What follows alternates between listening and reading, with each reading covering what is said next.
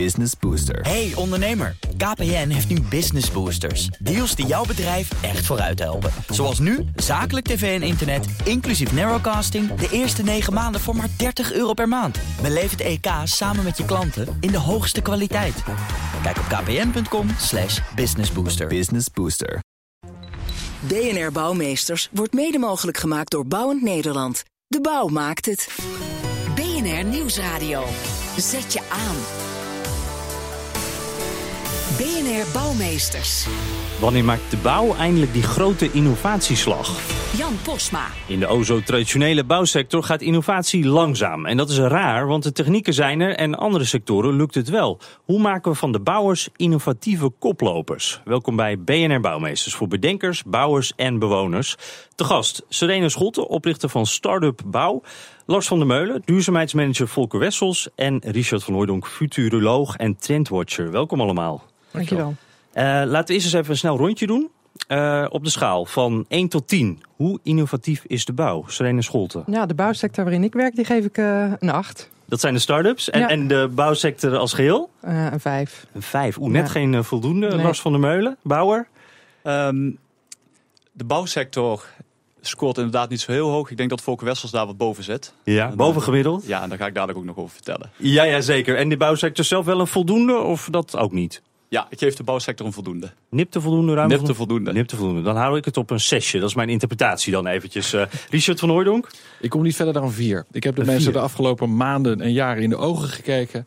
En iedere keer als ik praat over nieuwe technologie, schrik ik me rot. Dus ik vier maximaal. Oké, nou dan komen we gemiddeld toch eh, eh, niet op een voldoende uit als ik dit zo hoor. Eh, we hebben ook even wat verder eh, gekeken, eh, want we hebben hier natuurlijk eh, een bouwer. Maar eh, we wilden ook wel even weten hoe het breder eh, over gedacht wordt in de bouwsector. En toen viel al meteen op dat niet iedereen even graag over dit onderwerp wat wil zeggen. Maar redacteur Frederik Mol sprak wel met bouwbedrijf Structon. Innovatie in de bouw. Bouwbedrijven zeggen er volop in te zetten, maar het gaat nog langzaam. Vooral de samenwerking in de bouw laat te wensen over. En innoveren kun je niet alleen doen, zegt Evert Lemme, directeur van Structon Worksphere. Ik denk dat het onmogelijk is om in de snelheid en complexiteit waarmee ontwikkelingen zich voltrekken, de illusie te hebben dat je eh, zelf kunt innoveren. Volgens Lemme blijft de bouw te veel vasthouden aan tradities en die zitten de innovatie in de weg. We hebben een hoofd- en een onderaannemer. Nou, alleen dat woord al, die zijn eh, niet te verenigen met eh, innovatie. Eh, innoveren doe je op basis van gelijkwaardigheid. Het innoveren gaat altijd over het onbekende. En ja, het maakt het ook soms heel erg spannend. En het hoeft ook niet altijd gunstig te zijn voor je bestaande verdienmodel of voor je bestaande bedrijfsmodel. Het is voor nu misschien niet gunstig voor de portemonnee, maar het is wel nodig om uiteindelijk te overleven. Er zal met name in technologie geïnvesteerd moeten worden. Want technologie krijgt de belangrijkste rol in de bouw, voorspelt Lemmen. Het gebouw wordt bijna bijzaak. Alles wordt verbonden. We weten precies waar iedereen zit. Ik denk dat privacy eh, steeds minder een echt issue eh, is. Waardoor je bezetting en benutting van gebouwen ook eh, veel beter kunt gaan regelen. En dat is gewoon een must. Maar die technologie wordt steeds dominanter. En om die technologie bij te houden, moeten de bouwers wel innoveren. Doen ze dat niet, dan vreest hij het ergste voor ze. Ik denk eh, bedrijven die niet innoveren en vasthouden aan hun bestaande verdienmodel en hun bestaande positie en niet over de schaduw heen durven te kijken en durven te stappen, dat die het inderdaad niet gaan overleven. Nou, dat is een, eh, een niet zo positieve con- conclusie die we hier van de hoek van Structon ho- horen.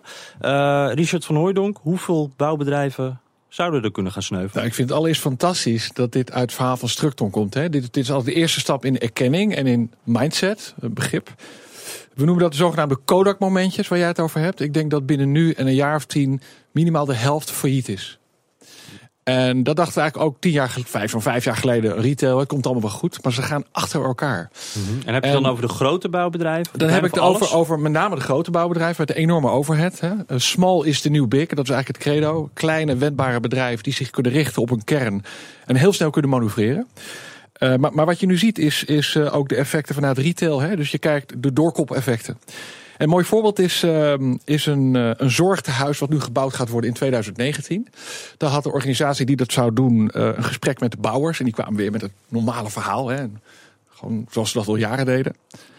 En vervolgens dacht de directie, kunnen we dat niet anders gaan doen? Moeten we niet eens even gaan nadenken en praten met wetenschappers en eh, sensoren van Philips en allerlei interessante partijen. En nu zie eigenlijk dat, dat de bouwers daarin niet mee kunnen. De bouwers zouden eigenlijk mee moeten kunnen door juist Mhm. in die voorroute te, route te zitten van technologie. Ja, ja. En, en, en dat doen ze dus niet, daarom worden ze nu gepasseerd. En eh, zitten ze op een heel andere manier in het, in het totale aanbestedingsproces, als je even niet uitkijkt. Een heel veel bredere rol eigenlijk. eh, Zeker. La- Lars van der Meulen, eh Volkers Wessels, voelen jullie dit ook zo? Sowieso, eh, die urgentie, voelen jullie dat ook? Eh, ja, die voel ik zo. En dat is ook wel. Ik wil hier eigenlijk gelijk al even op inhaken. Ja, zeker. Want ik denk, ehm één kant van het verhaal is inderdaad van ehm, de bouw haakt misschien vaak te laat aan. Andere kant van het verhaal is dat de bouw vaak te laat wordt aangehaakt. Ik zat gisteren toevallig nog bij de brainstorm over een nieuw ziekenhuis. Daar ging het over eh, hoe kunnen we het ziekenhuis van de toekomst nou neer gaan zetten. En er was door de mensen die daarbij betrokken waren, was al heel veel bedacht over hoe ze dat in zouden gaan vullen. Allerlei eh, verschillende duurzame oplossingen met de visie. Wat zou je met z'n allen kunnen doen? En wat wij als bouwer al in huis hebben, dat was daar weggelaten. Zodat je een hele hoop innovaties die al bestaan gewoon niet mee kan nemen. Ja, maar dan vraag je toch een beetje om als bouwer. Even met alle respect. Als je gaat kijken naar jouw organisatie, zo'n beetje alle bouwers, die richten zich qua communicatie en inspiratie zeker niet op de toekomst. En dan als je dan een ziekenhuis iets gaat neerzetten, dan denk je per definitie niet aan om de bestaande bouwers er eens bij te gaan betrekken. Dus hoe, hoe zie jij dat? Ja, nou dat, dat zie ik ook zo. Maar ik denk dat het verhaal twee kanten heeft. Hè. Dus als bouwer moeten wij ons profileren. Laten zien van we zijn niet alleen een stenenstapelaar. Maar we kunnen echt wel meedenken over innovaties. We kunnen een innovatie- en procesmanager zijn. En dat zijn we in veel projecten ook. Er zijn mooie voorbeelden van. Ehm, ik denk aan de andere kant, het is ook wel een cultuurverandering voor heel veel opdrachtgevers. Hè, dat ze ons ook op die manier benaderen. En op wat Ehm, voor manier moet dat dan? Hoe, hoe moet je het nou goed doen nu dan? ja, het sleutelwoord is samenwerking en value case. Dus ehm, als je bijvoorbeeld naar een woning gaat kijken, laten we eerst eens kijken wat je binnen vier muren en een dak nou neer kan zetten om bij te dragen aan de levenskwaliteit van mensen. Ehm, je niet in beperkingen denken en dat doe je met alle mensen die daarbij betrokken zouden moeten zijn. Hè? Eh, Zonder onderscheid te maken tussen financiers, hoofdaannemers, onderaannemers. Daarna ga je kijken van wat voegt dat nou voor waarde toe. En pas daarna ga je kijken wie moet dan wat doen en wat is de business case voor die verschillende partijen. Dus denken vanuit meerwaarde in de plaats vanuit de business case voor individuele deelnemers. Is, dat hoe er bij Volkers Wessels nu ook al aan gewerkt wordt? Steeds meer. Ja, Maar, de, maar het is een cultuurverandering. En het kan ook niet altijd. Het kan niet binnen elke opdrachtconstructie. En kijk, daarom vond ik het heel mooi dat eh, Van Hooydonk net zegt... ik geef de bouwsector een 4 en dat ik het een 6 geef. Ik kan me dat voorstellen als je er alleen maar aan de buitenkant tegenaan kijkt. Ho, ho, ho. Nee, zeker niet. Richard van Hooydonk? Nee, niet dat- alleen van de ik- buitenkant? ik- ik- per definitie niet. Ik zit er redelijk dik in. En ik denk dat als je de bouwsector nu nog een voldoende of een vijf of zes gaat geven, dan ben je echt niet op de hoogte wat er echt aan de hand is. nou, als dan je- zou ik hem om willen draaien. Doe maar. Ehm, ik kan me voorstellen dat je dat doet, maar ik zie heel veel schitterende dingen gebeuren binnen de bouw. En daarom zou ik graag aandacht willen vragen voor wat er allemaal al aan innovatie in huis is. Mhm. En een pleidooi willen houden voor eh, de uitdaging die er ligt. En die niet technologisch van aard is, maar veel meer organisatorisch en sociaal. En daar willen wij heel graag aan meewerken. Mhm. Nou, En- ik wil er wel iets op, eh, op inhaken. Ja, Sene Schotten vanuit de start-ups. Ja, eh, mijn aandacht in de bouw gaat eigenlijk al elf jaar lang uit naar de mensen en naar het leiderschap. En ik denk dat daar ook heel erg veel te ontwikkelen is voor de bouw. Eh, ik heb in, via Startup Delta in de andere start-up scenes mogen rondlopen. En dan zie je een hele andere cultuur en sfeer hangen als het gaat over eh, ja, man-vrouw verdeling, eh, verschillende achtergronden, het energieniveau. En dan kom je bij een bouwbedrijf binnen. Ik denk, ja, hier is nog niet het leiderschap wat ook stuurt op zo'n ja, zo'n populatie in de organisatie. Het zijn ja, vrij homogene werelden. En ja, homogeen leidt niet tot innovatie. En, en wat zeg je dan eigenlijk? Zijn dat allemaal mannen, kan ik me voorstellen? Ja, van dezelfde leeftijd? Ja. Van de... Ja, van de, met dezelfde achtergrond, met dezelfde studie. En, en dat is niet de basis van creativiteit en innovatie. Ik- ik- voor mij, de start-up scene, ik zeg niet voor niks. Ik wil eigenlijk de totale start-up scene ook via Startup Delta richting bouw brengen. Omdat we samen moeten werken met zorg-startups, met food en agri, met health. Dus we moeten, we moeten slimme combinaties gaan maken met elkaar. En dat betekent dat die bouwsector communicatievaardigheden en partnershipvaardigheden moet gaan ontwikkelen. Om op het juiste moment ook aan tafel te gaan zitten en ja, daar volwaardig eh, mee te kunnen draaien. En, en nu is het zo, nog zo introvert. En ik zie de worsteling van, van, van mensen die in de organisatie willen vernieuwen. Die zeggen, ik wil graag meewerken aan duurzaamheid. En dan zegt het management, kom over een jaar maar terug als je het nog steeds wil. Ja, ja. En dan denk ik, ja, op die manier gaan we het niet redden. Eh, Richard van Hooydonk, eh, wat ik hier nu hoor, homogeniteit. Eh, Ik hoor naar jezelf kijken eigenlijk. Zijn dat de redenen waarom eh, de bouwsector toch nog steeds conservatief is? Of is er een andere reden? Ik ga doorpakken op deze fantastische eerste inleiding. Kijk, iedere CEO van iedere bouworganisatie zou zich moeten schamen als hij niet naast zich een CEO van 25 zou hebben, met wie het bedrijf samen bestuurt. Je moet je voorstellen, de traditionele CEO die heeft ervaring van het nu en het verleden.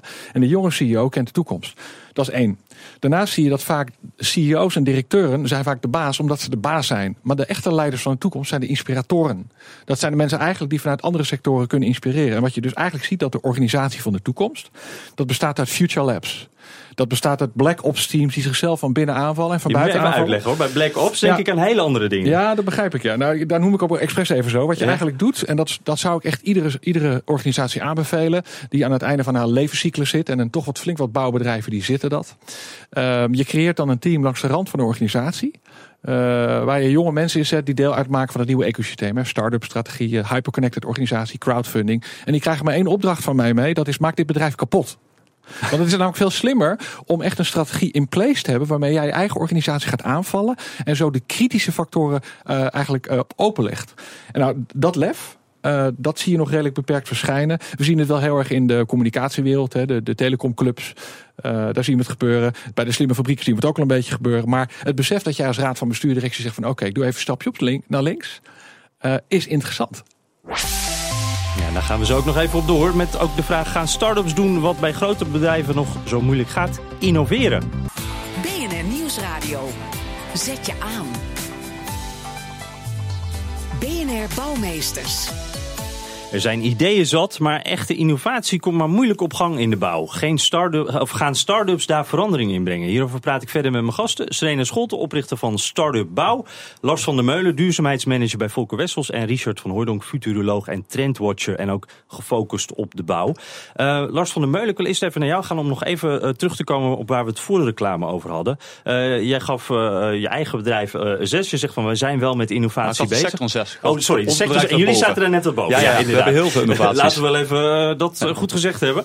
In ieder geval, je zegt wij komen wel met innovaties, maar eh, zit de, de, de, de opdrachtgever daar ook altijd wel op te wachten? Nou, dat is, dat is precies het punt. De opdrachtgever zit er misschien om te wachten, maar vraagt anders uit. Wij hebben een paar schitterende innovaties. Hè. Bijvoorbeeld een bouwlogistieke hub, eh, een asfaltcentrale die volledig asfalt recycelt. We kunnen het alleen heel vaak in opdrachten waarin naar duurzaamheid wordt gevraagd, niet kwijt. Omdat niet op de juiste manier wordt uitgevraagd. Wat is En- uitgevraagd dan? Ja, eh, hè, op wat voor manier eh, vraag jij om een oplossing? Vraag je een verbinding tussen A en B? Vraag je mobiliteit tussen A en B? Hè, dat, zijn, dat zijn al verschillende vragen. Ehm, wij hebben bijvoorbeeld een bouwlogistieke hub ingericht in, eh, in Utrecht. Dat, dat is een plaats waar eh, al onze eh, bouwstoffen naartoe gaan en waar het asfalt na- afval naartoe wordt teruggevoerd vanaf verschillende bouwprojecten. Daarmee kunnen wij tot 60, 70 procent van vervoersbewegingen voorkomen. Maar er zijn heel veel opdrachten waarin we dat niet kwijt kunnen. En dat is natuurlijk zonde. Maar hoe kan dat dan? Want jullie hebben die oplossing. eh, er is een klant met een vraag. Die dingen moet je toch samen kunnen brengen? Precies, en daarom denk ik ook het sleutelwoord dat is samenwerking. Hè. Wij moeten, ehm, heel terecht werd net gezegd, de bouw, de bouw zou een lesje moeten krijgen in innovatie. Maar de bouw zou ook best een lesje mogen geven in innovatie aan heel veel opdrachtgevers. Dus meer naar samenwerking. buiten, zeg je eigenlijk. Ja, Ja. ja. Nou, ik herken die zoektocht wel van opdrachtgevers. We hebben tijdens het Startup Fest Europe in mei hebben wij een tafel georganiseerd voor allemaal opdrachtgevers van waterschappen, Rijkswaterstaat tot gemeentes. Om te praten hoe kunnen we nou launching customers worden voor die innovaties die er zijn. En eh, ja, een deel van de belemmeringen is, eh, is, is, is ja, misschien wel in de wetgeving, maar het grootste deel zit volgens mij toch in die mindset van durf je te kiezen voor iets wat misschien nog geen proven technology is, wat niet al, eh, al, al 10.000 keer in Nederland ergens geprobeerd is. En waarom doen we nog steeds 150 jaar oude zandzakken, terwijl Ja. we al hele gave mobiele dijken hebben die we veel Ja. sneller kunnen uitrollen. En, en, en, en ja, je ziet dat dat gesprek en dat ze daar, daar, daar, daar is nog een wereld te winnen. Dat moet nog Ik allemaal denk, gebeuren. Richard van Oordonk, het heeft ook met risico te maken, toch? Die, die zakken, die werken, maar dat Ja, nieuwe, dat weet je niet. Absoluut. Mensen zijn niet gemaakt om te veranderen. Hè. Mensen zijn per definitie gemaakt om iedere dag dezelfde dingen te doen. En daar hebben we ook nu processen. Maar, maar, maar wat je wel ziet, is, is dat we eh, ervoor moeten uitkijken dat we niet onze klanten gaan disqualificeren. Het is heel makkelijk om dat te doen, hè. dan verander je niks. Je ziet ook dat Provada, zojuist Provada Future gestart is. Hè. Holland Contech en jouw achtige organisaties zijn bezig met het koppelen van die start-ups aan die bedrijven. En ik denk dat het heel belangrijk is om, eh, we zien dat ook heel erg in andere sectoren, om proof of concepts te gaan ontwikkelen. Proof Gewoon of een-. Een, huis van de toekomst. Eh, een fabriek van de toekomst. Kijk, we moeten het onze klanten laten zien. Heel simpel. Het is nou best wel ingewikkeld. En we weten het niet. Dus de enige manier om het te doen is door samen te werken. Ik herken het ook bij partijen als TNO, TU in Delft. Die hebben ditzelfde probleem. Die hebben hele mooie innovaties en disrupties. Maar hoe ga je nou de wereld aan die producten helpen? Ja, Zijn eens. Scholte, eh, sorry, jij, zit, jij zit natuurlijk in die start-ups. En het werd net al even genoemd. Zitten eigenlijk die grote bouwbedrijven ook wel te wachten op die start-ups? Kunnen Ja. die elkaar een beetje vinden? Ja, nou ja, dat vinden, dat is dus wel iets voor nodig. Dus daar helpen we ook bij om ze bij elkaar te brengen. En je, ja, ze, ze hebben een hele totaal andere geaardheid. Je ziet een kleine, snelle start-up en een, een groot bedrijf. En ik herinner me dat een, een van de directieleden zei... ja, hoe moet ik eigenlijk contact maken met jullie? Wat vinden jullie? Willen jullie gelijk een grote zak geld? Dat die start-up zei, nee. Dan zeg je ja, toch? Of, eh, Nee, dat nee, zei oh, nee, juist niet. En dat vonden ze ook heel verrassend. Oh, dat is helemaal niet wat je wil. En, en, ja. en die corporates moeten, kijk, die, die zijn in het verleden vaak gegroeid door bedrijven over te nemen. Mhm. Maar een start-up neem je in het begin niet meteen over. Ja, ze Die start-up spirit ook ja, behouden. van hoe doe je dat? Hè? Hoe, hoe ga je nou in zo'n, zo'n, zoals wat in B Amsterdam gebeurt? Hoe, hoe werk je aan zo'n spannende nieuwe samenwerking waarbij de start-up zijn eigen energie en eigenheid houdt en Hm. die corporate daar wel, nou, misschien wel door aangevallen wordt. Nou, maar in de praktijk zie je vaak dat dit soort bedrijven worden overgenomen en volgens worden ze eigenlijk kapot gemaakt. En, en mijn stelling is dat binnen de huidige organisatie kunnen we niet disruptief veranderen. We zullen daar iets naast de organisatie moeten neerzetten. Daarom pleit ik ook voor de, de next organization. Dus een organisatie naast het huidige bedrijf met minder legacy.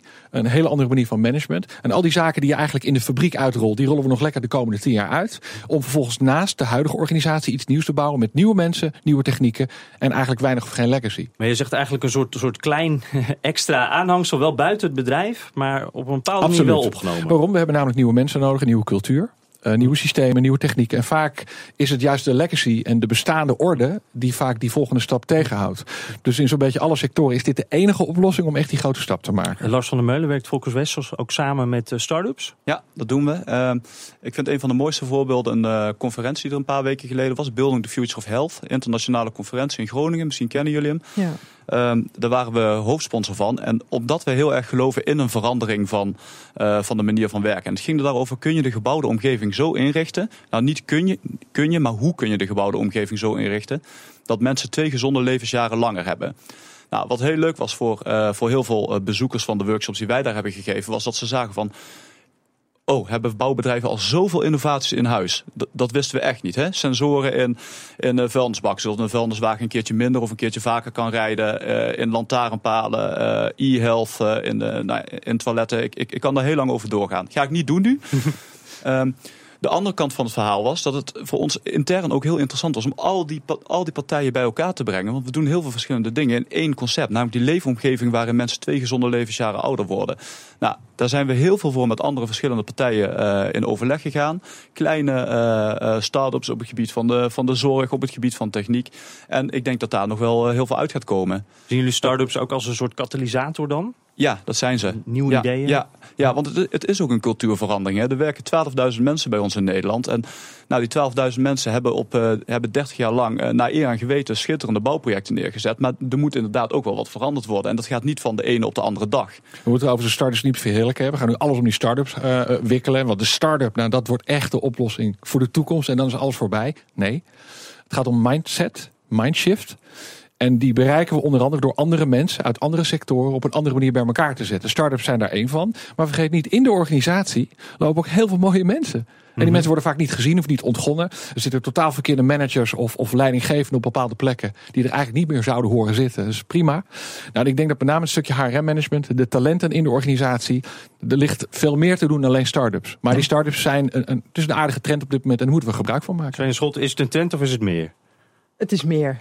Ja, absoluut. Ook omdat ik nu met Startup Delta meegelopen en zie wat er ook gebeurt. eh, gewoon überhaupt in de wereld. Niet alleen in Nederland, maar ook in de wereld. Vind ik trouwens voor de bouw ook veel te nationaal gericht. Laten we Zeker. alsjeblieft Meer veel internationaler gaan kijken. Daar kunnen we heel veel van leren. Zie je ook een verschuiving dat er meer aandacht is voor start-ups in de bouw? Ja. Ja? Ja, ja, en ik denk ook omdat ik daar gewoon de hele dag mee bezig ben. Dus dat ja, is je ziet het natuurlijk ook sowieso een de hele beetje, dag eh, natuurlijk. Maar, eh, Ja, eh, dus misschien is dat aan mij niet de beste vraag om te stellen. Maar ik zie wel eh, nou ja, het aantal vragen wat ik erover krijg. De aandacht Mhm. die ervoor is. Ehm, ja, en ik, en ik denk het kan nog veel meer. We hebben de eerste Construction Hackathon georganiseerd in mei tijdens Startup Fest. Dat willen we, mogen we dit najaar nog een keer gaan doen. Waarbij we allerlei startups uitnodigen om opgaves aan te pakken. Over blue zone bouwen bijvoorbeeld. Hè, waar jullie dan bij eh. Groningen ook mee bezig zijn. En ja, die combinaties maken het heel gaaf. En dan zie je ineens een sector waar ik gewoon nog nou ja, 30 jaar in wil werken. Het wordt echt tijd voor een nationale Future Task Force. Die door de overheid wordt opgericht. Binnen de gezondheidszorg zien we dat al. Waar eigenlijk alle partijen die echt een rol spelen. Maar ook in een toekomstige rol spelen bij elkaar zitten. En gewoon aan de slag gaan. En tot mijn grote verbazing is die er nog helemaal niet. Nou, wij hebben gewoon een WhatsApp-groep. Ja, de- maar daar begint het. Hè. dat Klein is ook een beginnen, stukje innovatie natuurlijk. Een. WhatsApp-groep. WhatsApp En- innovatie? Ja, inderdaad. Nou ja, eh, het, eh, het, het wordt nog niet overal eh, gebruikt. blijkt in de bouw. Maar als ik u zo hoor, in ieder geval heel veel ingrediënten zijn aanwezig. We moeten ze alleen nog samenbrengen. Dank uh, Serene Scholte, oprichter van Startup Bouw. Lars van der Meulen, duurzaamheidsmanager Volker Wessels. En Richard van Hooydonk, futuroloog en trendwatcher. Hm, graag gedaan. Op de schop. In deze rubriek vragen we een deskundige uit het veld welk gebied of welke plek in Nederland nu echt op de schop moet. Met deze week Jelte Glas van Woonpioniers. Vertel, wat moet er op de schop? De creatieve woonmogelijkheden mogen op de schop wat mij betreft eh, in grote steden. Want ik zie in elke stad heeft wel een leeg schoolgebouw, kerkgebouw of oud kantoor. En vaak met buitenruimte. En ik zie daar creatieve woonmogelijkheden voor een maximale tijdslimiet van bijvoorbeeld 10 jaar voor het professioneel experiment. daarbij denk ik aan de zelforganisatie van een wijk waarbij mensen op een creatieve manier kunnen wonen. Wat moet er dan mee gebeuren? Als een gemeente of een stadsdeelwijk uh, het vertrouwen geeft aan een wijk en kijken uh, wat er gaat ontstaan binnen die maximale limiet van 10 jaar. En dat we daarna de balans opmaken wat ging er wel goed en wat ging er niet goed en hoe kunnen we daarvan leren. Dat we ook gaan kijken dat je wonen met een afschrijftermijn van 10 jaar en niet zoals de bouwsector nu denkt van wij bouwen voor 50 jaar en daarna is het op. Niet zo ver vooruit kijken en uh, wat creatiever omgaan met de ruimte die je hebt. Dat is dan de conclusie. En uh, innovatie, en een WhatsApp-groepje hebben we net gehoord, kan daar ook altijd bij helpen. Tot zover deze uitzending van BNR Bouwmeesters. Kunt hem terugluisteren, bnr.nl slash bouwmeesters. We zitten ook op Twitter, dus heb je tips of een idee over wat er in jouw buurt op de schop moet? BNR Bouw of mail naar bouwmeesters.bnr.nl. Dank voor het luisteren. BNR Bouwmeesters wordt mede mogelijk gemaakt door Bouwend Nederland. De bouw maakt het. Business Booster. Hey ondernemer, KPN heeft nu Business Boosters. Deals die jouw bedrijf echt vooruit helpen. Zoals nu, zakelijk tv en internet, inclusief narrowcasting... de eerste 9 maanden voor maar 30 euro per maand. Beleef het EK samen met je klanten in de hoogste kwaliteit. Kijk op kpn.com businessbooster. Business Booster.